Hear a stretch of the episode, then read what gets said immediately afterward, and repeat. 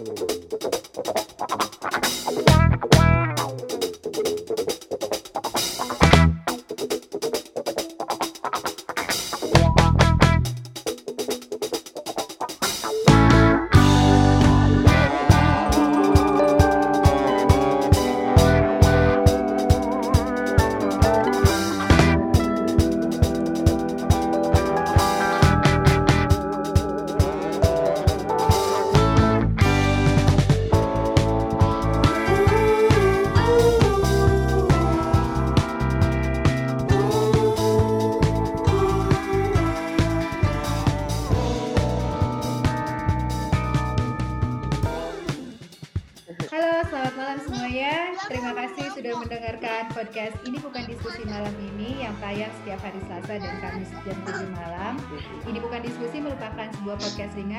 topik menarik, namun mudah-mudahan informatif dan juga menghibur. Tema kita di bulan Desember adalah lain dari biasanya yaitu Born Athlete.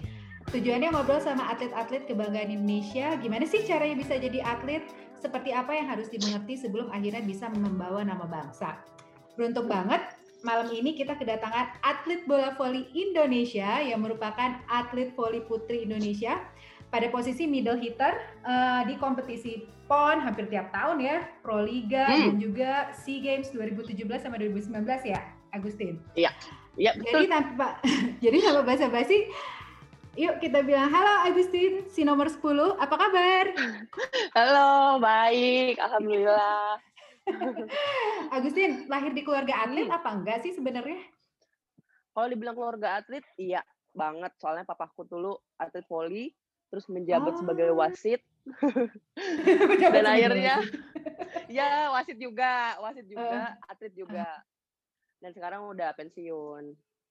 Oh, jadi ada sama Hmm. kakak ada juga yang suka olahraga, yang atlet voli juga. Semuanya, semuanya empat empatnya olahraga. Semuanya setinggi tinggi tinggi juga dong berarti ya? Pastinya. Itu karena ibu sama bapak dua-duanya tinggi atau emang gimana sih? Kalau tinggi itu lebih cenderung ke papa ya. Kalau mama sih, kalau menurut saya standar, cuma 178 cm. Tapi kalau Cuman papa ya. di Cuman ya. Stres Cuman. dengernya. terus terus. kalau kalau papa itu 189. Gila keren banget. Terus terus eh, papa dulu juga ikutan pon segala macam juga. Enggak sampai sih kalau papa cuma hanya sekedar voli-voli di daerah aja. Eh, tapi bakatnya dilanjutin ke anak-anaknya. Iya, Kalau mama sukanya olahraga apa? mama enggak sih. Mama tuh nggak minat sama olahraga, minatnya tuh hobinya tuh masak. Oke oke. Jadi dia buat Iya. ngantar jemput atau bangunin doang ya. Nah, itu.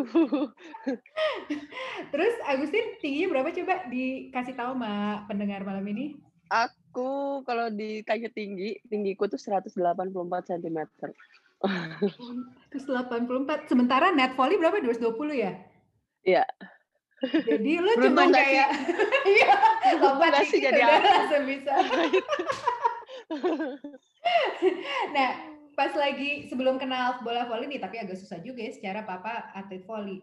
Itu banyak Hmm. positifnya atau negatifnya gak sih berteman dengan yang gak sama tingginya? Karena orang Indonesia kan jarang ya yang tingginya lebih dari Nah, itu. 165. Itu gimana? Ada rasa nggak pede nggak dulu pas masih kecil? Kalau awal, eh alhamdulillah sih kalau dari aku dari kecil dari S, SD, SD, ya SD tuh aku udah seneng olahraga, alhamdulillah. Tapi bukan Ah, belum menjurus sih, belum menjurus ke voli, heeh. masih suka olahraga yang lain gitu. Dan alhamdulillah juga mama sama papa juga kayak support aku, kamu tuh tinggi, jangan minder, jangan apa malu gitu. Jadi biar aku tuh lebih pede. Jadi ibaratnya Iya. dikasih support terus. Dan akhirnya SMP tuh aku udah mulai ikut basket, paskibra, gerak jalan, belum fokus ke voli. Terus? Dari situ. eh, Ta- lanjut.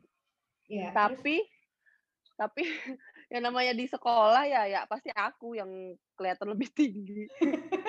paling tinggi ya pasti di sekolahan ya. iya, makanya. Kayak gue gak pernah deh ketemu orang Indonesia tinggi 184 perempuan ya. Eh perempuan sama laki-laki nih. sih. Heeh. Kalau laki-laki kan banyak ya. Banyak. SMP basket, nah itu pertanyaan gue sih sebenarnya.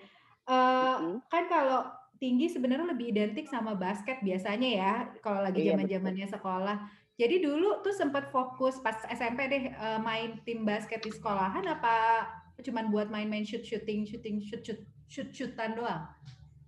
Hmm. Main beneran. Ah. Cuman ya cuman ya itu apa cuman turnamen antar sekolah aja cuman aku nggak terlalu mendalami karena aku hobi olahraga cuman aku nggak seneng sama olahraga basket aku senangnya tuh diarahkannya tuh ke volley sama papa. Uh, mulai dari umur berapa diarahin ke volley sama papa? Sebenarnya dari dari kesannya kenal. Sebenarnya dari kecil. Sebenarnya dari kecil. Soalnya aku dari kecil tuh udah ngikutin papa ke mana-mana. Kayak wasit volley kayak main apa ke mana-mana gitu. Cuman aku seneng aja ngikutin seneng aja ngikutin papa ke mana-mana. Jadi apa sih le, lebih belum menjurus juga sih sebenarnya dari kecil tuh. Nah, pas aku SMP, SMP tuh. SMP ada pertandingan voli, ya mungkin karena basicnya aku anak atlet voli, cuman kan kalau voli itu susah ya, basic. Harus latihan dulu yang benar, harus gini gini gini gini dan akhirnya Iya, karena iya. teknik voli kalau yeah. teknik dibilang teknik voli itu lebih sulit daripada yeah, basket, betul. sepak bola betul. tuh. Betul. Terus? Nah, jadi akhir akhirnya aku setelah lulus SMP, hmm. nah, aku dipindahin lah ke Bandung. Aku masuk Bandung Tektona. Di situ aku mulai latihan bener-bener latihan. Paginya sekolah, sorenya latihan. Oh, sore latihan tuh tiap hari berarti pas udah pindah ke Bandung. SMA berarti ya? Iya, setiap setiap hari kecuali Minggu ya, Minggu tuh free. Dari jam berapa sampai jam berapa berarti latihannya? Kalau sore itu jam 4 sampai sampai jam 6 sih. Tiap hari. Iya. di Bandung itu kan banyak banget tuh yang atlet-atlet voli jago-jago. Agak uh -uh. jadi kayak memotivasi atau awal-awalnya kayak aduh aduh gimana nih, aduh gimana nih, atau gimana? Atau kayak wah gila orang itu keren banget. Iya semuanya sih yang aku rasain soalnya aku masuk masuk ke Bandung Tektona tuh sama sekali belum bisa ngapa-ngapain.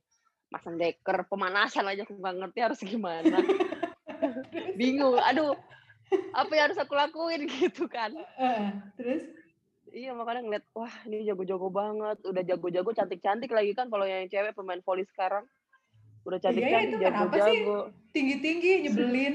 Nah itu tinggi-tinggi. Jangan sampai pinter-pinter juga. Gue yang stres. Nah pinternya nih beda.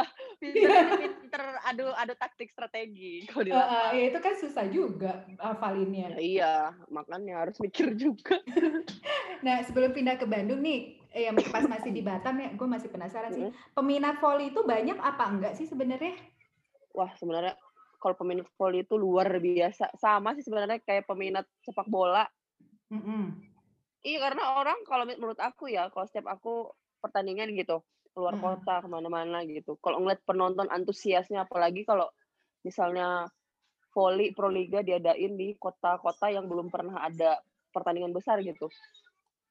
Pasti tuh peminatnya lapangannya udah kecil, penontonnya tuh lebih dari isi gornya gitu loh. Iya. Itu iya. seneng apa bikin deg-degan ya sih? Ya deg-degan ada, nervous ada, seneng ya pasti seneng. Cuman kan dari situ kan namanya atlet volley ya namanya mental ya. Di situ tuh kayak ditonton orang banyak. Kayak kita tuh ibaratnya sirkus gitu di tengah-tengah lapangan dilihat orang banyak. Terus?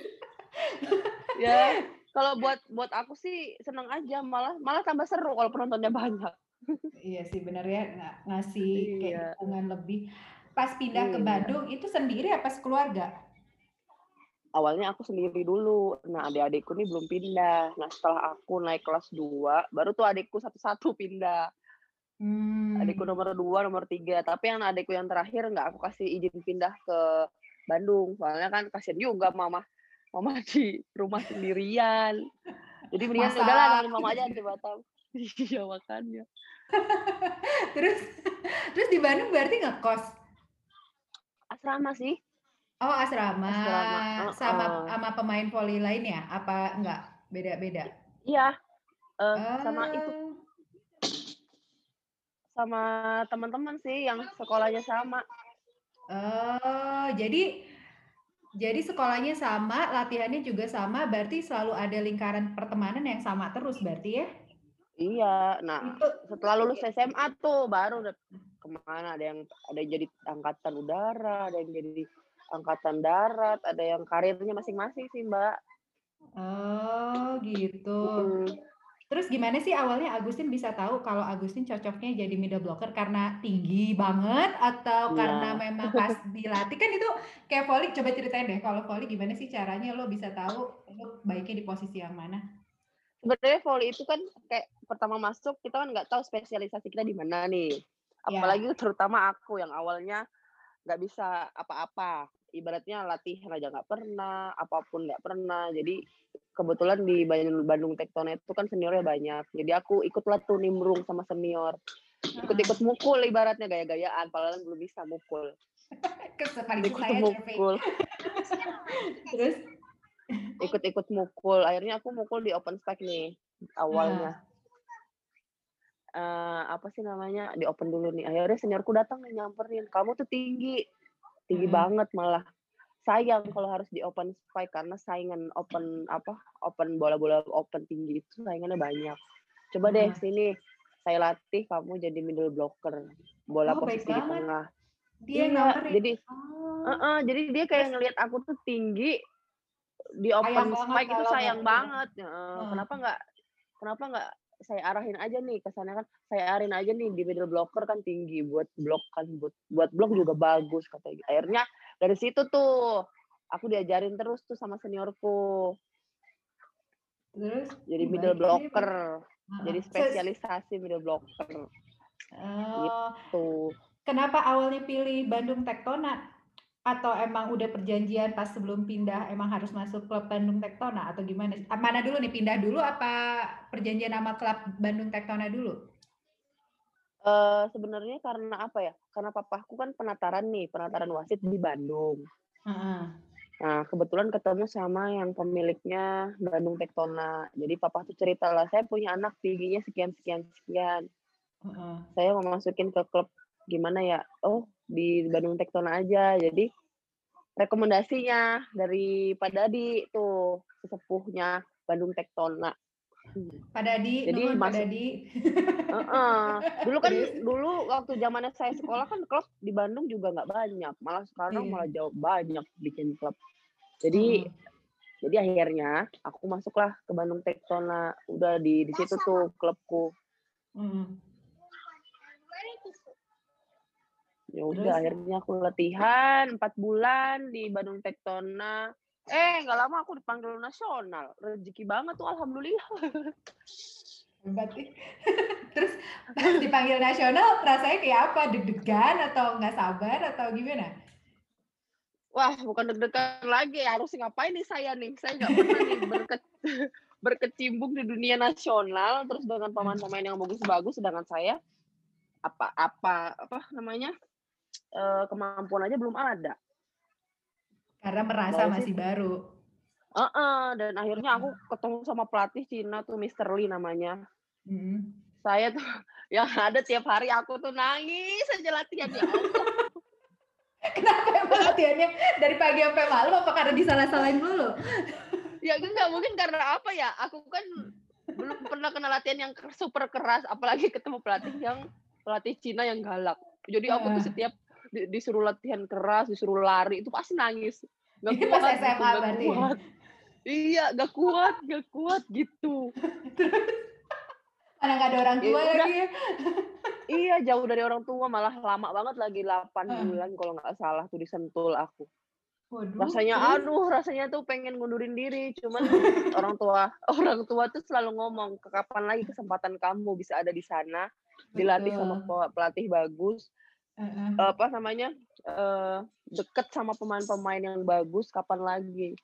Ya alhamdulillah dikasih motivasi, dikasih pengertian, akhirnya aku jalanin tuh sampai selesai SEA Games Heeh. apa bareng sama senior-senior kan. Akhirnya Heeh. Nah, dari situ tuh dari si game itu dari aku latihan sama Misteri, aku baru bisa mukul, baru bisa semuanya. jadinya aku ya di SEA Games itu jadi Iya, pas tapi ya di itu. Itu 8 bulan latihannya dari jam berapa sampai jam berapa tiap hari. Sore sih setiap hari. Pagi sore pagi. Kalau nggak salah tuh waktu 2007 tuh pagi.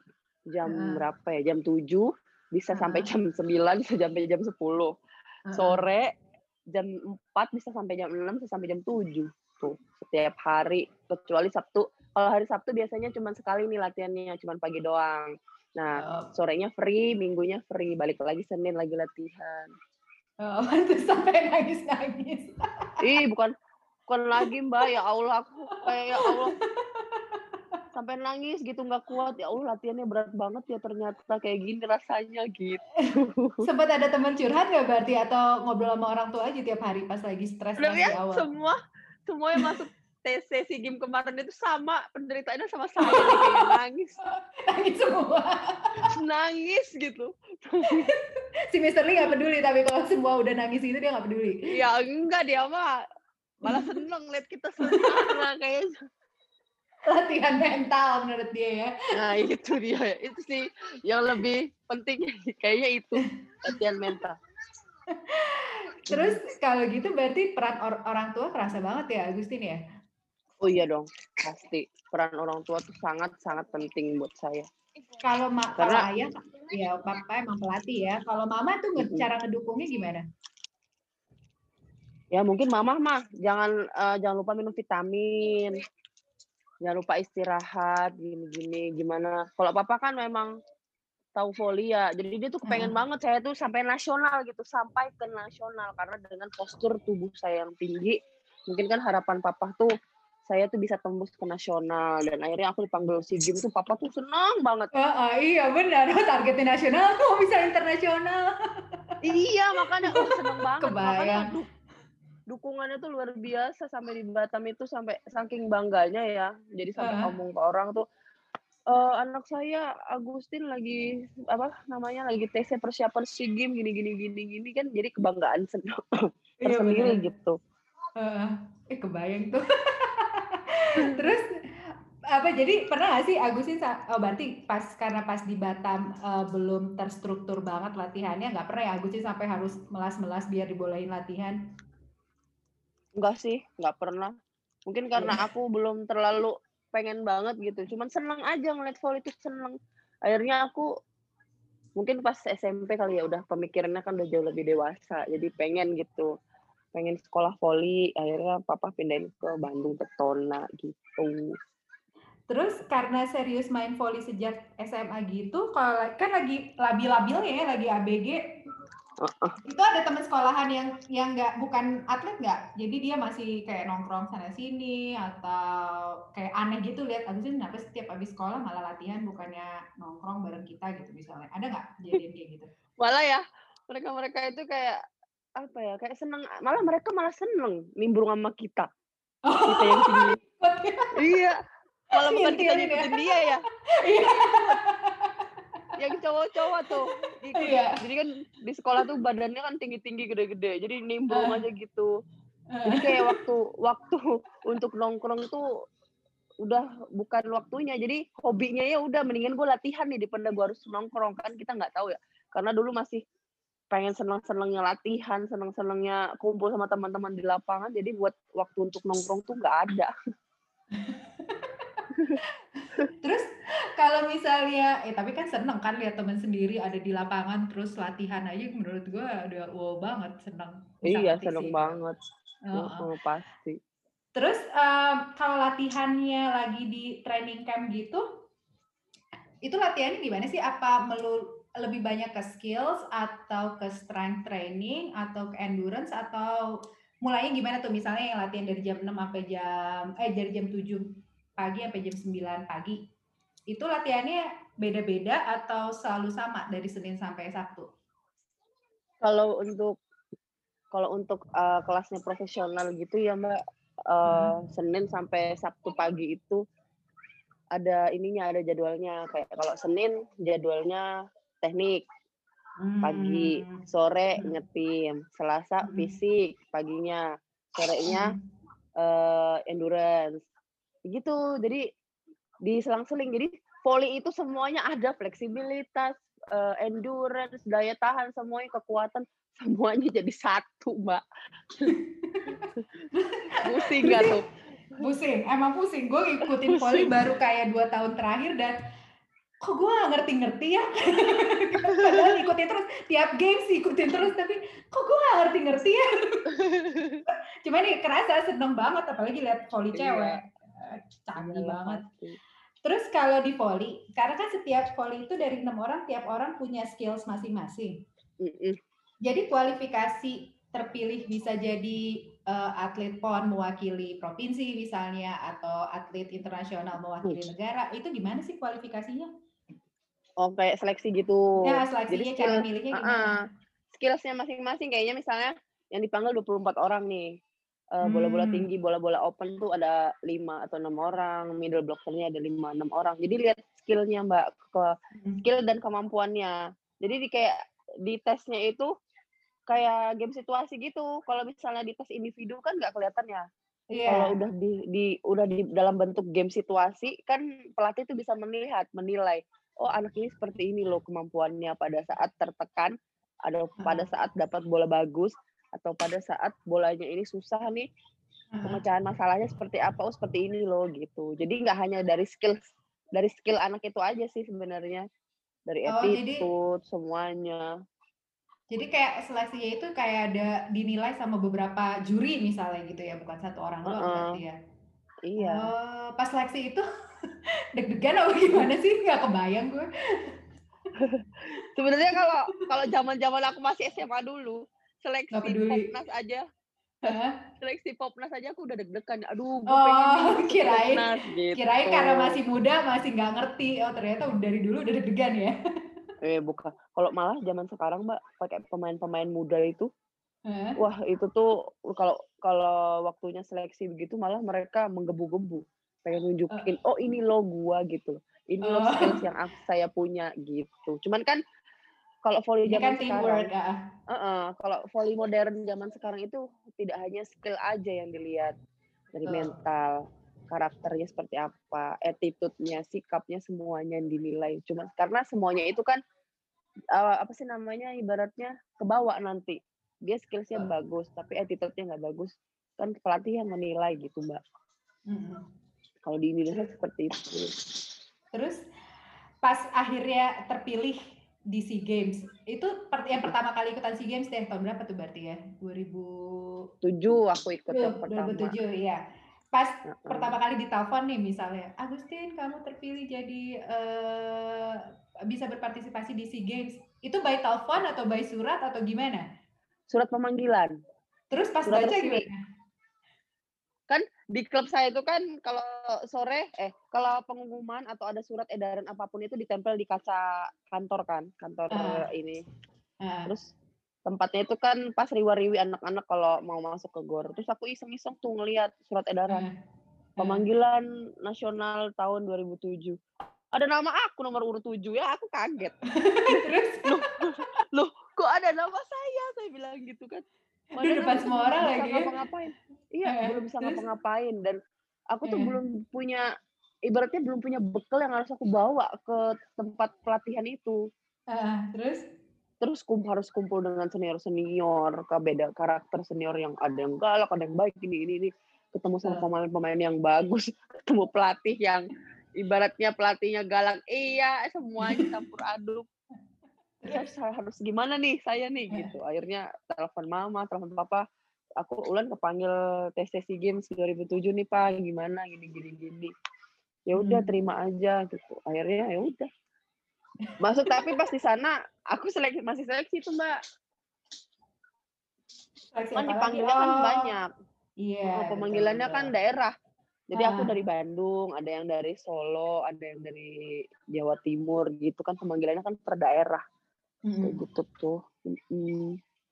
Terus uh, rasanya main di SEA Games kayak gimana sih? Maksudnya kan lo bawa nama bangsa, terus ada tim satu tim yang masih baru lah, mungkin ada beberapa yang mm-hmm. udah main bareng, tapi kan ada juga yang baru-baru. Itu pas lagi training camp rasanya kayak apa? Terus pas lagi bener-bener lagi tanding di SEA Games rasanya kayak apa? Kalau pas lagi training camp itu kan bener-bener kayak kayak tentara lagi digembleng, dijadikan. Nah, Iya. dibentuk ibaratnya tuh, dibentuk Heeh. bibitnya tuh menjadi lebih Heeh. bagus bagus gitu sebelum hari H pertandingannya. Karena aku Betul. tuh posisinya masih kecil lah di situ, masih junior. Jadi Heeh. kan eh, pelatih ini kan fokusnya sama yang eh, Senior. senior-senior nih, Heeh, yang Hmm. tim utamanya. Jadi pas hari H Games-nya itu aku cuman hanya melihat dari kotak kotak cadangan di luar aja, jadi belum main karena skill aku Nah. juga belum posisinya juga kan aku masih junior, skillnya juga masih di bawah senior-senior. Jadi aku melihat gitu. Oh seperti Nah. ini loh pertandingan asli resminya. Aku bisa resminya. pemain. Iya aslinya. Biasanya kan aku cuman lihat yang pertandingan-pertandingan antar, kam- antar kampung-kampung gitu dulu. Eh bentar, pas SEA Games 2007 itu lu udah pernah sempat ikut PON apa belum? PON 2008 habis SEA Oh jadi SEA Games dulu baru PON. Iya. Bayang. Bayang anak bawang. Makanya. Apa bedanya sama sekarang di tahun 2017 sama 2019? Kan berarti lo udah kebentuk secara kapten ya? Agustin ya? Enggak sih, kapten ada satu. Aku sih nggak mau ah jadi kapten. Berat jawabnya. iya. Iya enggak maksudnya tapi kan berarti eh, Agustin udah termasuk yang senior ya malah ya. Jadinya Iya, apa iya. apa yang membedakan 2007 sama 2017 misalnya? Nah itu ya, itu yang aku rasain yang kayak bener-bener aku tuh pernah ada di merasa di sini loh posisinya. Pernah yang Ah. merasa aku tuh di posisi junior, Heeh. merangkak ke atas ke atas sampai sekarang. Jadi kayak yang pengalamanku tuh ngerasain volley yang bener-bener susah, volley volley yang bener-bener enak, asik sampai sekarang tuh aku udah ngerasain banget sampai sekarang kayak ikut pon waktu terakhir kemarin pon tuan rumah kan Heeh. beda banget. Heeh, Terus? beda banget. Beda Waktu-waktu aku, heeh, waktu aku ikut eh, daerah daerahku Batam dulu kan aku ikut Kepri toh, Hmm. belum ikut belum ja, apa belum ikut Jabar. pon apa Jabar. Jadi Hmm. pemain-pemainnya ya masih pemain pemain pemain yang biasa-biasa aja, nggak kayak kalau di Jawa Barat kan bibitnya banyak, pemainnya juga banyak gitu kan. Jadi aku cuma sampai ke nggak pernah menang, kalah terus waktu di Kepri. Skillku juga dulu kan masih, Masih di bawah ya. lah. Heeh. Heeh, masih terbatas. Terus nggak kayak sekarang. Jadi jatuhnya udah profesional kan sekarang. Heeh. Itu sebenarnya lebih Heeh. stres apa masih sama-sama aja tingkat stresnya atau lebih stres sekarang atau lebih stres dulu karena dulu kan masih baru banget tuh baru empat bulan serius poli tiba-tiba dipanggil training camp. Lebih stres dulu sih. Kalau sekarang ya, kalau sekarang mungkin karena umur beda sama yang muda-muda kali ya.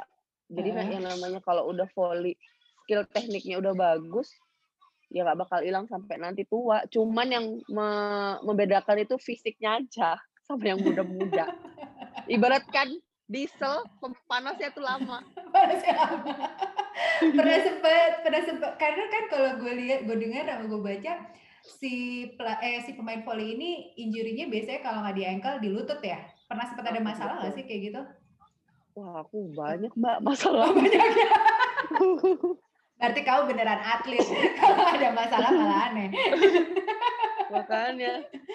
sempat nggak gara-gara Ah, kenapa Cuman kan dulu penanganannya juga nggak sampai kayak sekarang. Kalau sekarang kan wah jauh lebih modern penanganannya. betul Kalau dulu kan ya aku cuman bisa merintih sakit gitu, cuman kan nggak bisa oh seperti ini loh penanganannya. Kalau sekarang kan aku ankle, aku tanganin sendiri kayak harus Ah. harus apa, harus pakai tapping, harus didek, harus pakai pelindung ankle yang seperti Ah. apa, terapi tiap bulan gitu kan. Kalau dulu kan nggak tahu kita harus gimana, Dulu gimana gitu. iya. Balsemin geligain malah. geliga Pakai geliga loh biar nggak pegel. Eh, Agustin, buat menurut kamu em, apa saran buat anak-anak yang sekarang pengen jadi atlet volley? Misalnya nih kayak anak kamu kan sekarang lima tahun nih. Kalau misalnya dia pengen jadi atlet volley, bakalan lo arahinnya kayak gimana? ya eh, pertama yang aku yang aku tunjukin sama dia aku ajak nih ke tempat aku lu ruang lingkup aku bermain volley Kayak pada saat dia kamu tuh ngajarin kamu ya? uh -uh, pada uh. saya bawa nih, saya bawa ke lapangan voli. Uh. Kalau di kan pada saat itu pasti dia melihat toh, oh Betul. ini loh, oh ini mamiku lagi main uh. voli. Kan dari uh. situ dia ada ketertarikan. Benar. Ketertarikan uh, ketertarikan visual kan. Oh, seperti ini loh bola voli. Oh, seperti ini loh mami kalau main voli. Guling-guling. Guling-guling. mami ngapain sih? iya, mami ngapain sih jungkir balik begitu? Oh, kayak gini loh kan biasanya cuma di TV kan. Oh, itu mami, mami itu gitu. Jadi dia udah ngerti gak sih? Dia. Dia udah ngerti gak sih kalau kamu selebritis? Enggak. Cuman mami ya. dia dia taunya mami atlet voli gitu doang. Udah gitu lanjut main ya. Iya. gitu Oke. Okay. Terus kan um, Agustin asalnya dari Batam sebenarnya, ya, lahir gede di situ ya. Sebelum akhirnya iya. pindah ke Bandung. Masih sering gak sih bolak-balik Batam? Setahun sekali, Mbak. Aku tuh pulangnya sedih gak sih? karena karena ibu masih di sana ya, bapak ya? Iya, karena ibu, orang tua dan adikku juga satu masih di sana. Oh, oke oke. Nah, dengar-dengar selain serius jadi atlet voli, Agustin juga merambah dunia bisnis. Boleh dong diceritain sedikit mengenai bisnis minumannya?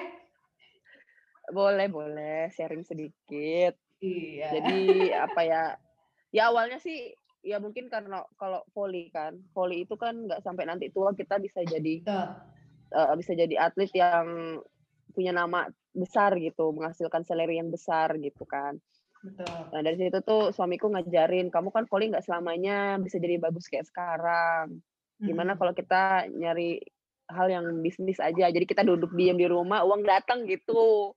Uh. Jadi dia, uh, uh, jadi kita kayak nyari-nyari bisnis apa yang enak ya. Terus hmm. dia nggak ngusulin ke aku franchise aja, franchise minuman. Uh. Oh boleh gitu. Akhirnya ada nih aku franchise minuman teguk teguk Indonesia awalnya suamiku tuh buka buka buat dia sendiri uh, uh, pribadi iya pribadi akhirnya aku kan penasaran ya aku uh. datang nih ke tempatnya sana uh. oh kayak gini ya oh kayak gini ya ternyata terus apa aku dateng oh bentuknya kayak gini ya. Ya kayak minum minum minuman minuman zaman sekarang kayak chat time kayak gitu gitu oh bubble tea gitu.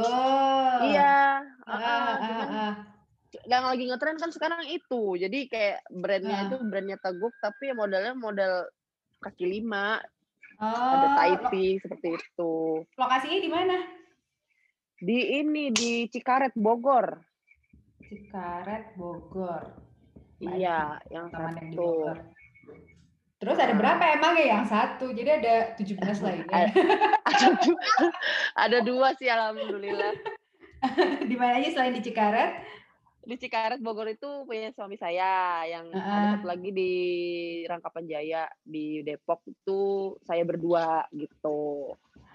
Terus ada IG-nya nggak? Ada @teguk.indonesia at teguk.indonesia. Jadi kalau misalnya yep. mau lihat tipe minumannya seperti apa dan kalau kebenaran hmm. lagi di Bogor sama di Depok, kalau lagi lewat, nah itu tuh teguknya punyanya atlet volley Indonesia. Boleh ya pun. iya boleh di tag.